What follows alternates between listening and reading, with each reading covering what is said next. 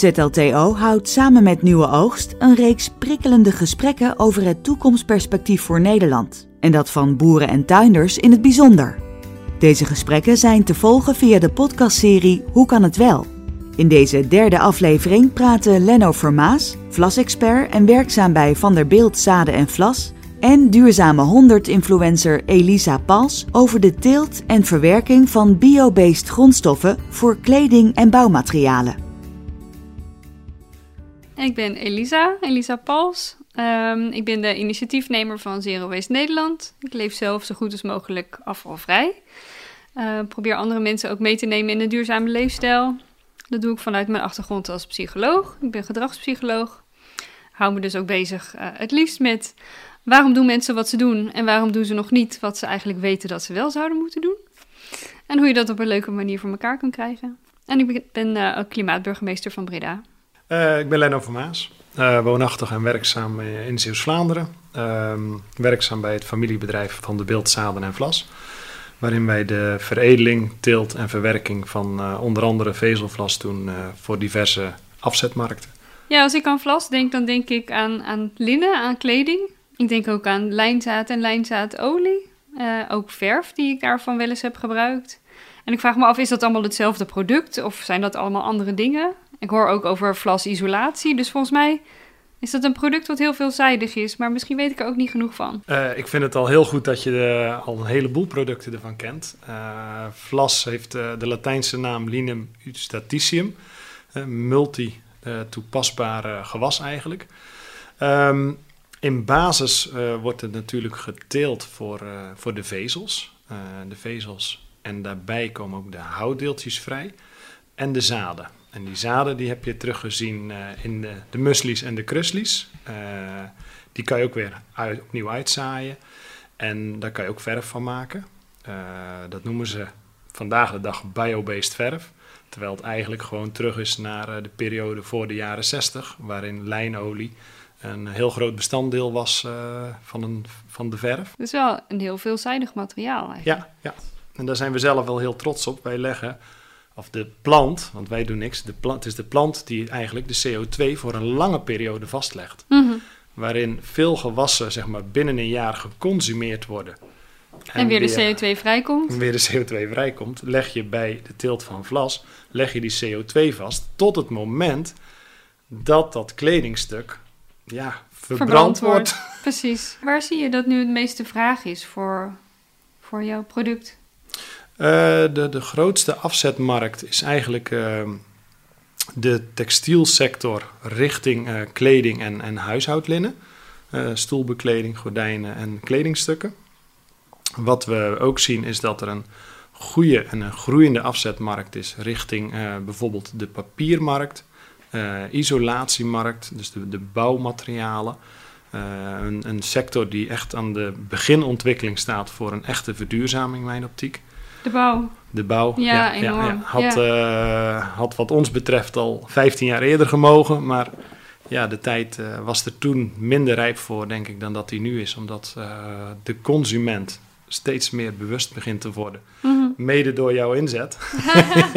dat, ja, toch mensen die voorop lopen en, en lawaai maken om die verduurzaming uh, in te zetten. En ja, het is aan onze taak om daarop in te haken door die producten mee te ontwikkelen. Ben je daar klaar voor? Stel dat er vanuit de, vraag, vanuit de bouw een enorme vraag nu komt van, nou ja, we moeten met z'n allen biobased gaan bouwen. Daar ja. wordt steeds meer over gesproken. Is, uh, is het product al zover klaar en ontwikkeld en toepasbaar dat dat zijn, snel kan? Uh, ja, ik, ik denk dat we een heel eind kunnen komen. Uh, er zijn wel een paar kanttekeningen bij die ik zeker wil, wil, wil of kan benoemen. Het voordeel is, er zijn vandaag de dag al enkele kleinere isolatiefabrieken die draaien op de korte vezels van het vlas en van de hennep, van de jute. Uh, die daar ook nog een keer eventueel gerecycled textiel bij in kunnen mengen. Om dus uh, dat ook mee te nemen in dat isolatiemateriaal. Alleen die bedrijven die hebben natuurlijk net een, een lange weg moeten gaan om zich te kunnen ontwikkelen. En die hebben nu een klein marktaandeel, maar die moeten gaan opschalen. En opschalen, dat is aan de ene kant een grotere fabriek bouwen. Uh, dat is een technisch iets. Maar aan de andere kant zullen wij moeten volgen met de teelt. Mm -hmm. En aangezien uh, vandaag de dag toch uh, 70 tot 80 procent van de wereldbehoefte voor vlasvezels eigenlijk uit West-Europa komt, Nederland, België, Frankrijk, zullen we hier die teelt moeten intensiveren uh, en ook de verwerking. En op het moment is de verwerking, is, uh, de levering van nieuwe machines vraagt uh, best wel wat tijd. Daar zit twee, drie jaar levertijd op vandaag de dag om dus een nieuwe fabriek, dus per duizend hectare moet je een nieuwe fabriek kunnen bouwen. Mm -hmm. Een nieuwe verwerkingslijn. En dat, dat is even op dat gebied, op korte termijn kan dat een beperkende factor zijn. Uh, landbouwtechnisch kan Nederland het aan om, om uit te breiden in areaal. Uh, zeker doordat steeds meer telers ontdekken wat de positieve eigenschappen zijn uh, van het vlas. Maar is het, is het nodig om uit te breiden en te intensiveren, of is het een kwestie van omschakelen? Want heel veel van het vlas wordt nu gebruikt voor, uh, voor textiel, voor, om kleding van te maken. Als we datzelfde vlas nou niet naar India en China verschepen om daar tot kleding verwerkt te worden, maar als we het gewoon hier houden en gelijk toepassen in isolatie, is dat dan niet een win-win? Uh, ja, dat is zeker een win-win. En ik ben blij dat je de vraag stelt. Um, we leven wel in een, een wereld waar een, uh, ieder op zijn niveau uh, een, een, rendement moet halen uit zijn stukje wat hij toevoegt aan, in, in de keten. En dat houdt in dat op telersniveau dat er een, een, een verdienste moet zijn aan, aan de teelt van het vlas. En vandaag de dag wordt dat saldo wordt bepaald door uh, een drietal componenten. Dat is het zaad wat ervan gehaald wordt, uh, de korte vezel en de lange vezel. Waarvan de lange vezel vandaag echt een, een hele grote waarde heeft. En die, die kan wel tot, tot 60, 70 procent van het saldo bepalen. Mm-hmm. Um, gaan we alles in korte vezel stoppen, dan zakt het teeltsaldo zakt enorm naar beneden. Uh, dat kunnen we oplossen door twee dingen. Of we moeten kijken of we het goedkoper kunnen verwerken. Mm-hmm. Dus dat we die, die richting op gaan. Of we moeten de consument zover krijgen dat ze bereid zijn om wat meer te betalen, zodat uh, de teler weer een eerlijke boterham eraan kan verdienen. Voor die vlasisolatie bijvoorbeeld? Ja, voor de vlasisolatie of voor ja. het vlas in het composiet. Dat, uh, ja, en da- dus beprijzing kan een antwoord zijn? Beprijzing kan zeker een antwoord zijn, ja. ja. ja. Want het vlas moet je wel positioneren als, als een rustgewas. Ja, precies. En de wortels van het vlas die maken de grond ook weer luchtiger en met meer organisch materiaal. Ja, klopt. Ja. Klopt. Ja, um, klopt. Maar nog niet alle teelt is biologisch. 10 tot 25 procent, zoiets? Uh, ja, het streven van Europa is natuurlijk om naar die 25 procent uh, biologische landbouw te gaan. Uh, wij zijn... Ik vind dat heel weinig. Ja, is het gek dat ik dat weinig vind? dat is heel weinig. Um, wij zelf zijn nu een jaar of vier, vijf met biologische teelt begonnen in Nederland en in ons productiegebied ook in Frankrijk. In Nederland groeien we daar heel hard in. Uh, omdat we daar ook de voordelen van zien. En we zien dat dat gewas wat je uiteindelijk ook verwerkt tot die halffabrikaten, dat, dat, dat, dat voelt gezonder. Mm-hmm. Het smaakt niet gezonder, want vlas eet je niet op. Het lijnzaad dan wel, maar de, de vezel die eet je niet op. Maar je voelt dat daar wat meer uh, body in, in, in zit. Dat die dus ongespoten is geweest, als ik het zo mag uitdrukken. Het verandert de kwaliteit eigenlijk. Ik vind de kwaliteit is zeker niet minder. Ik denk dat die eerder iets, uh, iets beter is. Uh, ja. Dat zou ja. een goed argument kunnen zijn. ja, we hebben nog onvoldoende ervaring om dat echt uh, zeg maar wetenschappelijk te kunnen aantonen. Hè, of, of gefundeerd te kunnen aantonen. Maar zodra dat je een verstoring hebt in je groeiproces, dat kan dus door enorme hitte zijn of enorme droogte of te veel of te weinig water, maar dat kan ook door het spuiten zijn. Dan remt die plant, plant zich af. Hij, hij, hij, schrompelt zich eventjes mm. om zich te weren tegen nou ja, die warmte en die kou of tegen die spuit die er voorbij komt. Ja, en als hij natuurlijk continu in een lekkere omgeving staat en alles is optimaal en hij wordt niet gepest, mm-hmm. ja, dan, dan zit er meer natuur in dat vlas. Er is meer karakter. Yeah. En dat vind ik juist zo mooi. En dat is ook de insteek dat, uh, dat we daar ook zeker in verder gaan in, de, in dat biologische segment. Mm-hmm. Alleen er is ook nog een markt, een, een, een bouwartikel. Dus gaan we straks vlasisolatie maken van biologisch vlas.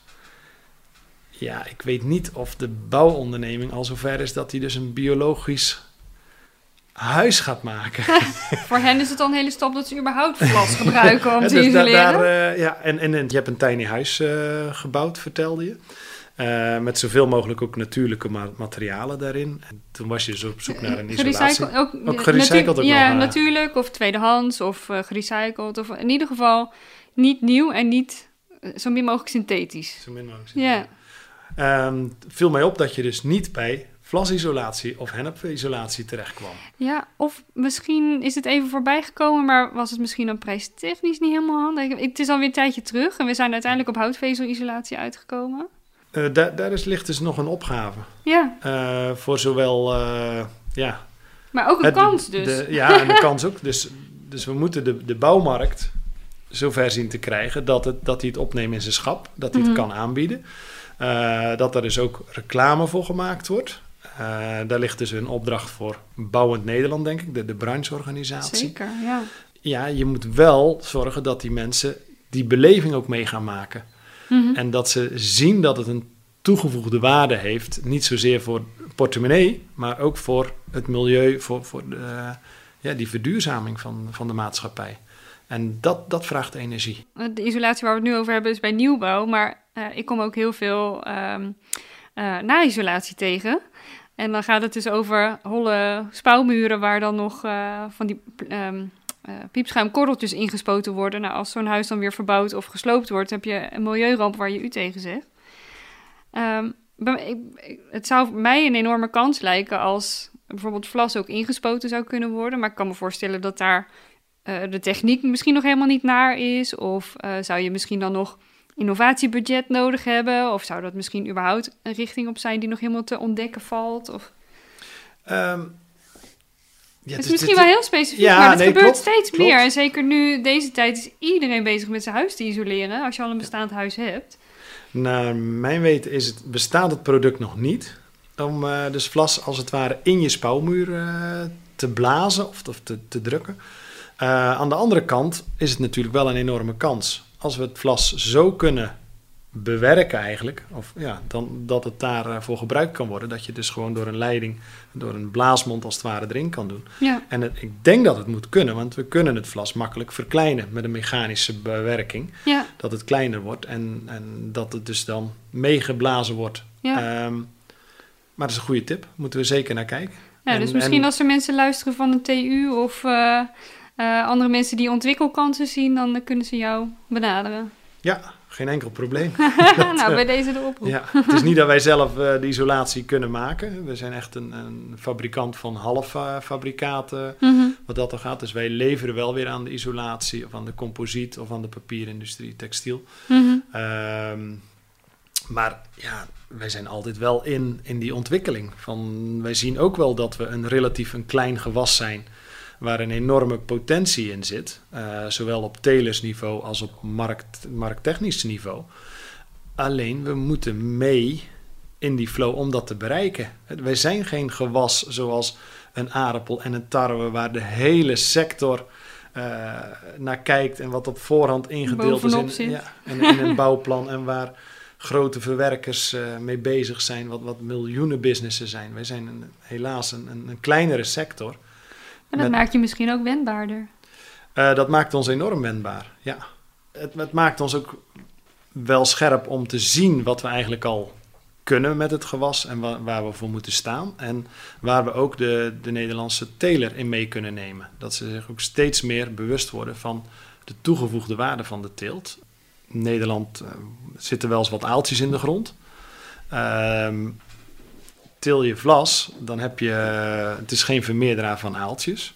Eh, dat is natuurlijk een plus ten opzichte van vele andere gewassen. Mhm.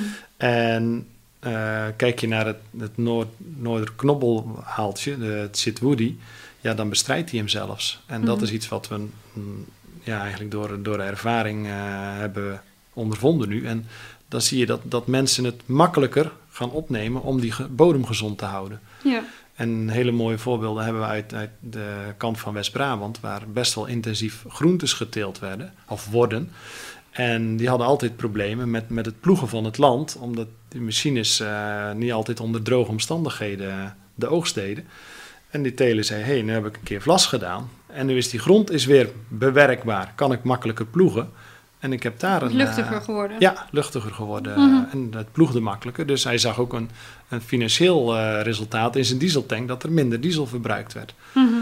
En dat zijn dingen, ja, dat roepen we niet van de daken. Maar dat zijn wel bijkomende effecten die die, die teelt met zich meebrengt. Eh, Waarom roep je het niet van de daak?